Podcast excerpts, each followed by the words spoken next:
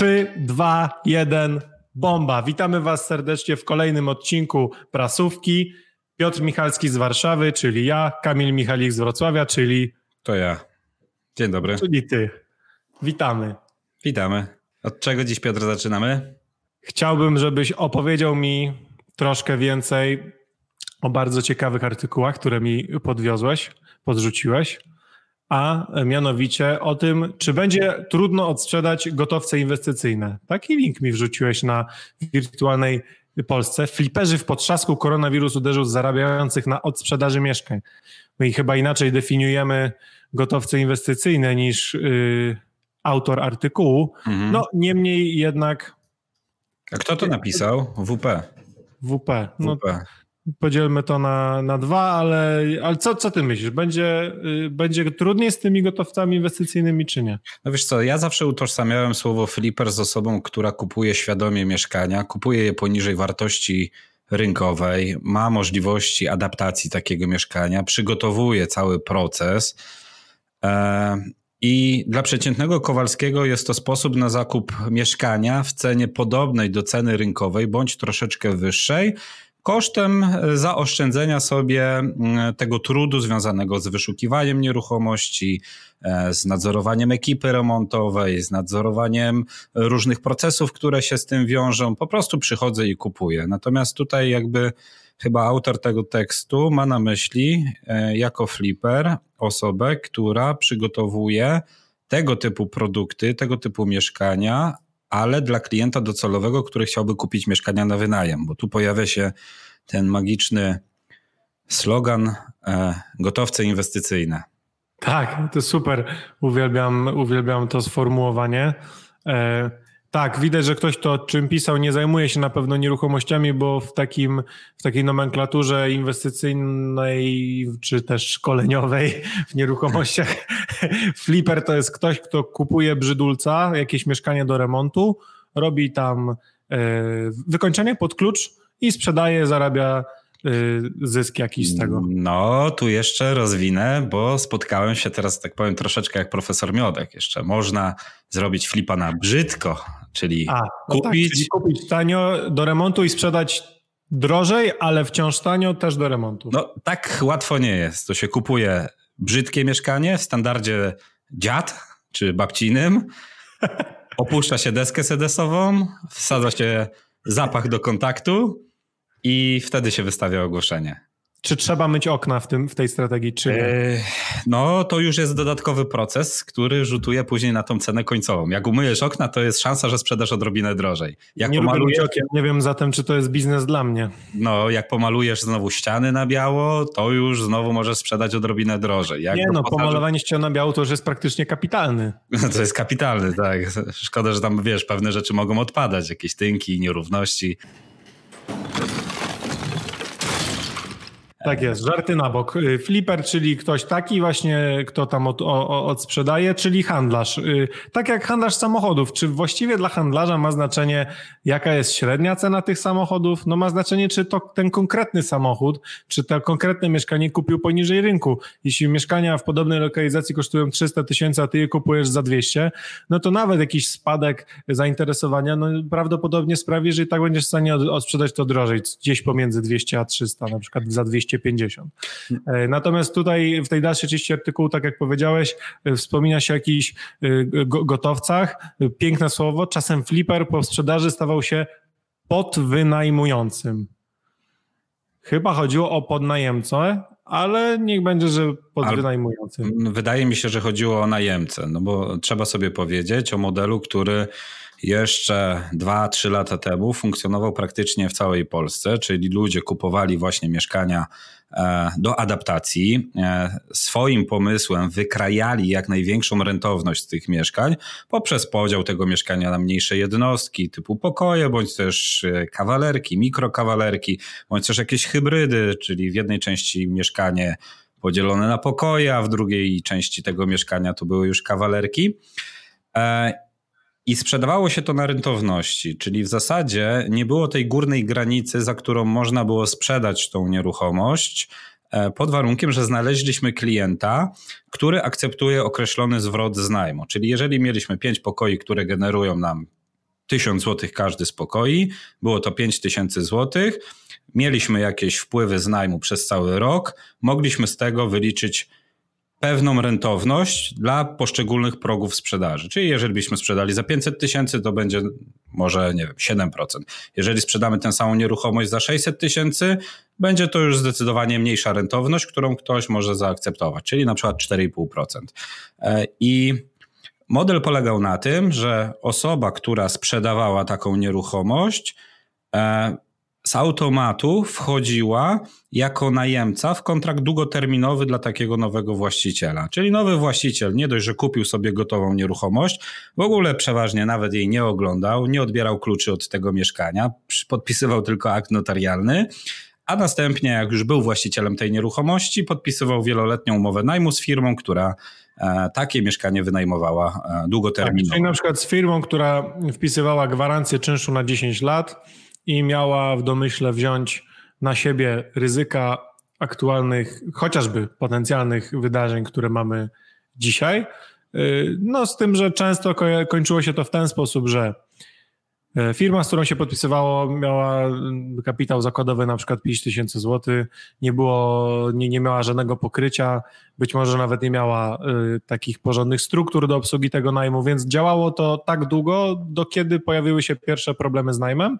No i teraz y, zakładając, że, że ktoś y, maksował tą cenę ze sprzedaży, tak, czyli starał się sprzedać jak najdrożej, kosztem tego, że obiecał obsługiwać to mieszkanie co miesiąc za nazwijmy to darmo czy pół darmo, no teraz musiałby do tych mieszkań dołożyć, no bo w sytuacji, w której czynsze spadły na przykład o 15%, czyli przychód z mieszkania pięciopokojowego z 5 tysięcy spadł na yy, do zera. 4250, a w pewnym momencie nawet do zera. E, no taka wypłacalność e, takiego, nazwijmy to, quasi operatora stawała pod znakiem zapytania. No a teraz już jak widzimy często po prostu tej wypłacalności nie było, mieszkanie zostawiane z długami, zadłużone w spółdzielni. E, o ile inwestor kupił mieszkanie za gotówkę, tutaj sytuacja jest jakby, no nie ma, nie realizuje po prostu zysków, które sobie założył, ale przynajmniej do biznesu nie dokłada, no nie licząc tych czynszów do administracji. Natomiast jeśli mieszkanie jest zakredytowane, a na przykład najemcy byli na mieszkaniu, podczas, czyli ci najemcy końcowi płacili, płacili zarządzającemu, a zarządzający na przykład za kilka miesięcy nie wypłacił e, właścicielowi, no to tutaj e, długi mogą sięgać nawet kilkudziesięciu tysięcy złotych, no bo niezapłacone raty, zaraz odsetki i problemy z wierzycielem w postaci banku. E, tak, tutaj warto też jeszcze powiedzieć, że sytuacja, którą mogliśmy zaobserwować, związana z pandemią, ona tak naprawdę swoje żniwa, takie negatywne żniwa miała na przełomie sierpnia, września, października, czyli w każdy profesjonalny wynajmujący akurat wtedy kończy, i za, kończy stary sezon, zaczyna nowy sezon z najemcami.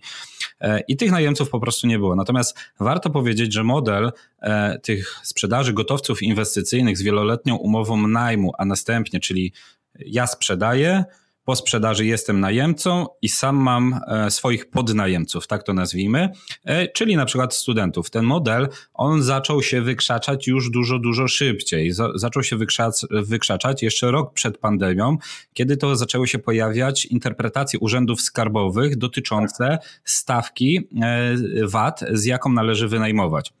Bo pierwotnie najem na cele mieszkaniowe był, jest zwolniony e, z VAT-u e, i zawsze patrzyło się na tego końcowego najemcę. Czyli jeżeli ty ode mnie kupiłeś mieszkanie, ja je wynajmuję jako firma, ale później tam mieszkają studenci. Patrzyło się na to końcowe ogniwo, że mhm. student wynajmuje to na cele mieszkaniowe, więc na całej linii pomiędzy tobą a mną, mną a studentami można było zastosować stawkę zwolnienia z VAT. Natomiast e, pojawiały się już na rok przed pandemią interpretacje urzędów skarbowych, że jednak pomiędzy tobą a mną powinna być już stawka VAT E, e, bo ja jestem firmą i to nie jest mój cel mieszkaniowy. A co ja mhm. później robię, to już jest jakby osobny. Tak, czyli zarządzający byli w bezpiecznej pozycji, bo, bo Urząd Skarbowy nie podważał y, zwolnienia na cele mieszkaniowe pomiędzy podmiotem wynajmującym do najemcy końcowego, no bo tam faktycznie najem był mieszkalny, student uprawiał tam swoje cele mieszkaniowe, tak nazwijmy to, między innymi zapewne. Natomiast jeśli chodzi o ten stosunek pomiędzy, stosunek pomiędzy Gra tak, jak to dzisiaj niebezpiecznie. Stosunek pomiędzy właścicielem a yy, zarządzającym, no to tutaj faktycznie mowy o celach mieszkaniowych być nie może, gdyż yy, zarządzający najmuje ten lokal na cele biznesowe, bo celem jego biznesowym jest dalszy podnajem tego lokalu, więc no faktycznie tutaj warto na to zwrócić uwagę. Oczywiście y, są tam inne opcje na korzystanie ze zwolnienia z VAT-u, natomiast nie dotyczą to każdego właściciela, tylko tych, którzy nie mają działalności i nie spełniają kryterium związanego z przychodem w skali roku. Mm, no i cóż, ja myślę, że te nieruchomości e, inwestycyjne no to właśnie też zależy, jak to je rozumie. Były i gotowce robione pod wynajem krótkoterminowy, czyli ładnie przygotowane mieszkania z jednym czy dwoma miesiącami y, w sezonie z bardzo pozytywnymi przepływami finansowymi z tego najmu. No i y, było to sprzedawane na jakby takim przewidywaniu, że te dwa dobre miesiące, jak się przemnoży razy sześć i potem razy kolejne 10 lat, no to po prostu stopa zwrotu wyjdzie y, fantastyczna. Oczywiście potem jak to się skończyło, no to sami widzimy na załączonym obrazku. Yy, hotele ledwo przędą, wynajem krótkoterminowy również teraz nie za bardzo można uprawiać. Interesu nie ma, no już tam nawet nie śledzę na bieżąco, czy teraz można wynajmować, czy nie na krótki termin. Nie wiem, czy to się w końcu zmieniło. Chyba jeszcze nie. Chyba jeszcze czekamy do końca stycznia. Miejmy nadzieję, że się to niebawem e, zmieni. Natomiast podsumowując, czy, bo nie odpowiedzieliśmy w dalszym ciągu, czy może pojawić się problem ze sprzedażą tego typu mieszkań. Uważam, że zawsze każdy klient, który przychodził i kupował tego typu nieruchomością, najbardziej atrakcyjnym, najbardziej atrakcyjnym w tym wszystkim było to, że miał stałe wpływy przez cały rok, niezależnie od tego, czy miał mieszkanie wynajęte, czy miał mieszkanie niewynajęte. Więc mhm. jeżeli nie jesteśmy w stanie jako rynek zaoferować tego typu rozwiązań, bo zwyczajnie w świecie mamy z jednej strony ryzyka pojawiających się pustostanów na dużo większą skalę niż w normalnej sytuacji ze względu na COVID, plus e, te niekorzystne interpretacje urzędów skarbowych, które Oczywiście. zmuszają do tego, żeby w takim modelu jednak nie funkcjonować. Więc jakby taki nadrzędny atut tego modelu biznesowego został wykluczony, więc śmiem twierdzić, że faktycznie mieszkania mogą e, stać i czekać na swoich odbiorców. Co więcej, też uważam, że pewna moda, pewien trend na mieszkania wielopokojowe, molochy, na zasadzie tam, gdzie okno, tam pokój, no minęła już dobre 2-3 lata temu i teraz y, mieszkania w płytach, mieszkania w kamienicach podzielone na 6-10 pokoi faktycznie y, mogą przez pryzmat otaczającej nas sytuacji, czyli braku studentów, braku najemców. I strachu ludzi przed kontaktem ze sobą. Kontaktem z osobą mogą zwyczajnie w świecie e, cierpieć i krwawić e, ze tak. względu właśnie. Ja bym, ja bym to porównał do tego, y, y, czy obniży się wartość gruntów. No jeśli masz grunt, który stoi odłogiem, to to jego wartość w oczach potencjalnego nabywcy jest jakaś tam. Natomiast jeśli masz grunt, na którym jest stacja benzynowa od 10 lat i ma umowę na kolejne 20 lat i płaci co miesiąc, no to też jest to innego rodzaju biznes, więc pytanie, o y, konkretny przypadek, kto to sprzedaje, kto, kto się tym mieszkaniem zajmuje i jakie są faktyczne, realne przepływy z najmu y, z tej nieruchomości zmierzone przez ostatnie na przykład kilkadziesiąt miesięcy. Jeśli mamy taką nieruchomość, i możemy zobaczyć na przykład przez ostatni rok ona dalej pracuje gorzej, nie wiem, 20% taniej, ale wciąż się wynajmuje, no to jest to trochę inna sytuacja niż w przypadku takich mieszkań robionych czasem na szybko, nie do końca legalnie, nie do końca poprawnie, tylko w celu e, zarobienia na e, jak najwięcej na samej sprzedaży. E, tak, co więcej, tutaj autor e, tego artykułu też zaklasyfikował praktycznie wszystkie nieruchomości do jednego wora, a należy e, zauważyć, że takim gotowcem inwestycyjnym może być e, lokal, którego potencjalnym najemcą będzie żabka albo już z gotową umową podpisaną na 6, 7, 10 lat i takich lokali nie ma. Ja widziałem gdzieś na sesji ktoś próbował dołożyć kilkaset tysięcy złotych tylko dlatego, że odsprzedawał taki lokal i właśnie e, grał tutaj do sprzedaży na Yeld. E, I, I ta cena z metra tych lokali, ona była praktycznie o 100% wyższa niż e, tradycyjnych lokali w pobliżu na tym samym osiedlu.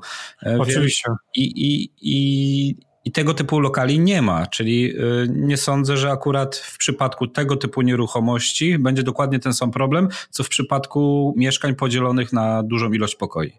Zakładając, że kontrahentem jest wiarygodna firma, która jest stabilna finansowo i jest duża szansa, że będzie przez kolejne miesiące wypłacalna, a lokal jest plastyczny, czyli można go łatwo wynająć czy tej sieci, czy tej, czy na klinikę dentystyczną, czy na biuro rachunkowe, no to, to jest, a często te lokale użytkowe mają dowolną formę adaptacji, no to zawsze jest jakieś rozwiązanie na, na tego typu. Ale właśnie odnośnie tego krótkiego terminu jeszcze moglibyśmy zahaczyć temat który wydaje mi się, że uderzy w ten krótki termin w kolejnych latach, czyli hotele, które dzisiaj są w długach, hotele, które dzisiaj są pogrążone no po prostu w paśmie niekończących się problemów związanych z tym, że zainteresowanie jest małe, nie dość, że jest małe i że mniejsza jest turystyka taka rekreacyjna i biznesowa, to jeszcze w ogóle całkowicie została zawieszona ich działalność. Wczoraj zadzwoniłem do hotelu, coś chciałem się umówić tam na jakiś ostatni tydzień, no i byłem przekonany, że tam zapomniałem o tym, więc myślałem, że wystarczy, że mam firmę, wiesz, już podaję NIP,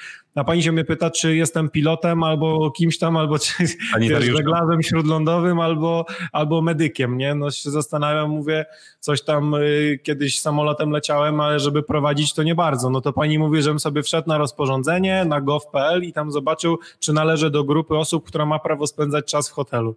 Nie, no to, no to mówię, kurczę, no to nie bardzo, nie? I teraz oni wszyscy muszą odbić sobie to jakoś. Jedyną szansą, żeby zagospodarować ten popyt, który jest niewielki, będzie raczej pewnie niemrawy przez kolejne lata, jest wymóc e, siłą, siłą dużego na rządzących to, żeby były dla dużych warunki lepsze, a dla mniejszych słabsze, czyli duże sieci hotelowe, które mają po kilkadziesiąt obiektów w Polsce, y, setki tysięcy miejsc noclegowych, czy przynajmniej dziesiątki, będą w stanie pewnie wywrzeć z jakimś czasem, znaczy nie wiem, czy tak będzie, ale na pewno jest takie ryzyko, że mogą wywrzeć y, presję na to, żeby y, banować krótki termin, tak jak na zachodzie, żeby nie pozwalać robić konkurencji, no bo nic dla hotelu lepszego nie ma jak to, żeby być jedynym hotelem w okolicy o takim standardzie i dyktować sobie ceny przy okazji na przykład organizacji różnych tam wydarzeń sportowo-kulturalnych, które mam nadzieję niedługo do nas wrócą. A krótki termin jest na to zagrożeniem, bo krótki termin omija te wszystkie koszty, e, dostarcza tańszą usługę e, na rynek. E, oprócz prowizji dla operatorów typu Booking czy Airbnb, mm, no te koszty obsługi są niższe, więc po prostu faktycznie ceny tego podróżowania bardzo spadły. Nie wiem, czy hotele są z tego zadowolone, myślę, że nie bardzo, a w artykule jest napisane, że długi i, i zobowiązania w hoteli wzrosły o 58 milionów złotych podczas pandemii. E, to myślę, że tu jest bardzo krótka droga do tego, aby wprowadzić pewnego rodzaju licencje, e, które działają tak jak na przykład we Francji, mhm. żeby wynajmować na krótkie terminy. E, nie ma co ukrywać, że teraz będzie walka o klienta. Ja byłem w Bydgoszczy, to chyba był grudzień pamiętam jak e, jeszcze w grudniu, właśnie w momencie, kiedy można było zabukować sobie wizytę w hotelu mhm. na NIP, e, czyli podaję, czy nawet na jakieś oświadczenie. Finalnie chyba nawet nikt tego NIP-u ode mnie nie pobrał, tak.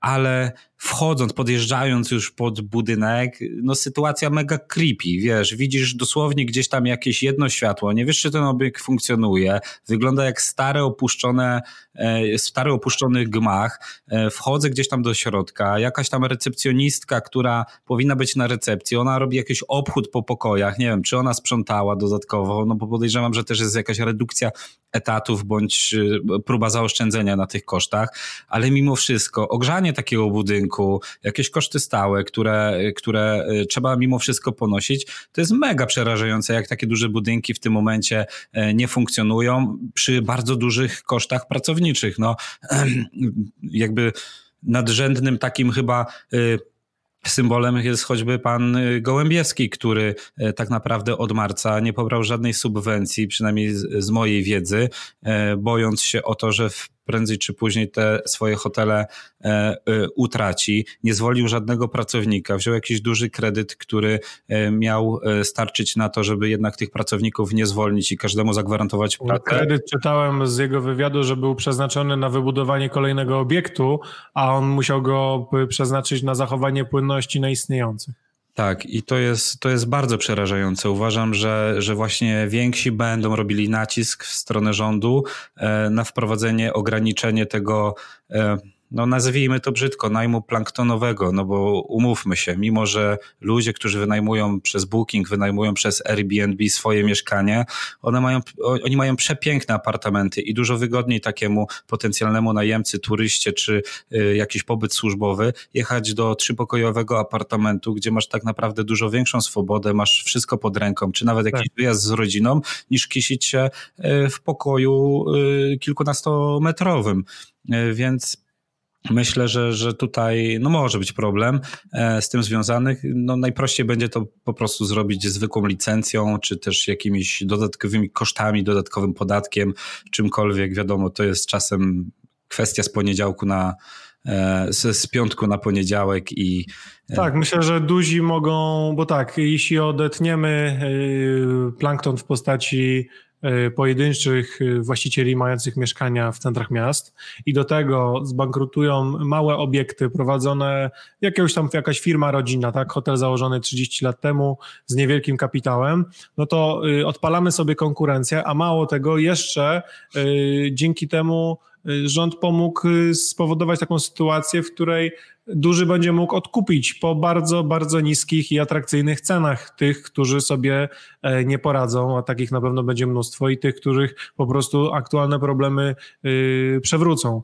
Y, tak naprawdę hotel w momencie, w którym nie zarabia, to w ogóle on jest, ma zerową atrakcyjność. On można, jego można kalkulować po koszcie metra kwadratowego wybudowania, bo y, ty ma, przejmujesz biznes, który w danym momencie ma długi. On co miesiąc na przykład pali 100 tysięcy złotych czy 200. To, to jaką on ma? To nie kupujesz tego na rentowności, prawda? Więc ktoś, kto na to patrzy, mówi, wie pan co, niech mi pan w ogóle dopłaci do tego, że ja pan na ten hotel kupię, to ja pana od długów y, wyratuje, bo jak poczeka pan pół roku, no to kolejne, kolejną bańkę trzeba będzie dołożyć do funkcjonowania. No i teraz wiele osób, które te biznesy mogą 20-30 lat prowadzić, będzie oddawało za bezcen te hotele za jedną trzecią wartości, za jedną czwartą, po to, żeby się pozbyć problemu z pracownikami. Zwolnić ich nie jest łatwo, zarówno pod kątem takim e, jakby samym etycznym, moralnym, tym, że ktoś długo z tobą pracuje, że ci na nim zależy, jak i pod tym, że no, prawo pracy jest w Polsce dość sztywne, więc to jest jeden problem, który ci, ci znika. Dwa, y, stoją w kolejce fundusze sekuratyzacyjne, stoją firmy leasingowe na sprzęt, na fury, na, y, stoją być może jacyś podwykonawcy, każdy chce kasa, w ten sposób jakąś gotówką jesteś w stanie te zobowiązania spłacić, uwolnić się od tego problemu, no i transfer majątku. Piękny obiekcik zmienia właściciela, a ktoś inny kto kliknięciem guzika e, być może za jakiś czas odwoła pandemię, będzie z powrotem sobie tam prowadził taki czy inny biznes. E, myślę, że no ja słyszałem o takiej sytuacji, nie wiem na ile w tym prawdy, nie chcę też jakichś teorii spiskowych szerzyć, natomiast e, do jednego hotelu wystawionego sprzedaż podobno u mojego znajomego zgłosił się ktoś, kto chciał ten hotel odkupić, zaproponował mniej więcej jedną czwartą ceny oszacowania z operatu, no ale powiedział, że gotówka będzie szybko, że y, mają za sobą finansowanie y, związane być może z, z po prostu z ludźmi, którzy są przy pieniądzach w Polsce i, i że, że chętnie od nich ten hotel odkupi, nie? I myślę, że to niestety może się zacząć realizować. Ja myślę, że e, zawsze będzie wyjście awaryjne i będzie możliwość sprzedaży do polskiego holdingu hotelowego, który tutaj z otwartymi ramionami przyjmie każdego hotelarza, który, który teraz e, na pewno. Kamil, wyjąłeś mi to z ust. Myślę, że to jest po prostu rozwiązanie tego problemu. Na szczęście miłościwie nam panujący wymyślili, że ci biedni hotelarze no zamiast się sprzedać jakimś e, oszustom e, z miasta, no to lepiej się, prawda, sprzedać do holdingu hotelowego. On cię przejmie, on cię opieką otoczy, coś ci tam może nawet zapłaci i hotelik będzie przejęty. Za 10%. Za 10%, no wiesz, y, lepsze 10% z góry niż długi kolejne lata i, i niemożność tego. Być może, że na przykład jedni będą mieli subwencje umarzane, a inni, którzy sprzedać nie będą chcieli, będą mieli subwencje nieumarzane, bo to też jest temat otwarty, prawda? Ktoś dostał 10 milionów złotych, no i tam jest powiedziane, że ok, 25% masz umorzone od razu, a te, te 75 to się tak rozgrywa, to zależy. Może ci umorzymy, może nie. Jak tam będziesz miał obroty dobre, to ci nie umorzymy, jak złe, to umorzymy. Jak będziesz zatrudniał, to umorzymy, jak nie będziesz zatrudniał, to cię nie umorzymy. Także może się okazać, że ktoś przyjdzie i powie, że sprzedaj, to ci umorzymy, nie sprzedasz, to ci nie umorzymy i wtedy sprzedasz i tak, ale zostaniesz z długami, to prawda? Lepiej sprzedać, zostawić sobie na koncie cokolwiek, niż sprzedać i zostać z długami. Tak, to przykre jest, że jakby ta sytuacja patrząc z boku, no my, my to mówimy trochę z uśmiechem na twarzy, w sensie, że podśmiechujemy się, może to miałem na, na, na myśli. Tak. To jest mega dramat, który się dramat. odgrywa. Ja bardzo mocno współczuję tym ludziom. E, oglądam e, czasem teraz, jak, jak, jak walczą ci restauratorzy, właściciele dyskotek, właśnie hotelarze, pensjonaty. Byliśmy ostatnio na Śnieżce, e, żeby sobie wejść. Część lokali jest otwarta, część lokali jest zamknięta.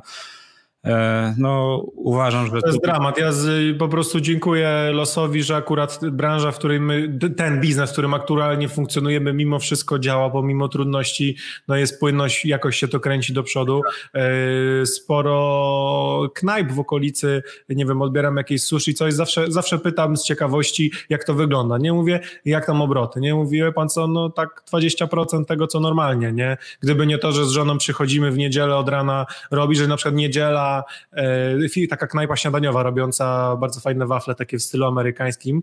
Um, mówią, że niedziela im robi cały tydzień, tak? Czyli, że dopiero ludzie zamawiający od rana, dlatego nie od, od 8 już odbierają telefony, robią sami dowozy, y, pracuje jakby właściciel chyba z żoną i prawdopodobnie y, kucharz to jest jakiś też ich przyjaciel, czy może nawet, nie tak. wiem, jak ktoś z rodziny, e, no i to im ratuje, nie? Czyli y, spadki obrotów rzędu pięciokrotnego, tak? Do 20% i właśnie tak się pojawia, że, od, że mają od 20 do 30% tego, co było do tej pory, no coś nie niewyobrażalnego i przykro jest na to patrzę, to nie będzie miało długoterminowo dobrych skutków.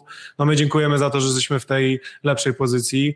No jedyne co, no to można protestować i tak dalej, tylko że znowu jest to ryzyko, że dla protestujących umorzenia nie będzie, a dla nieprotestujących umorzenie będzie.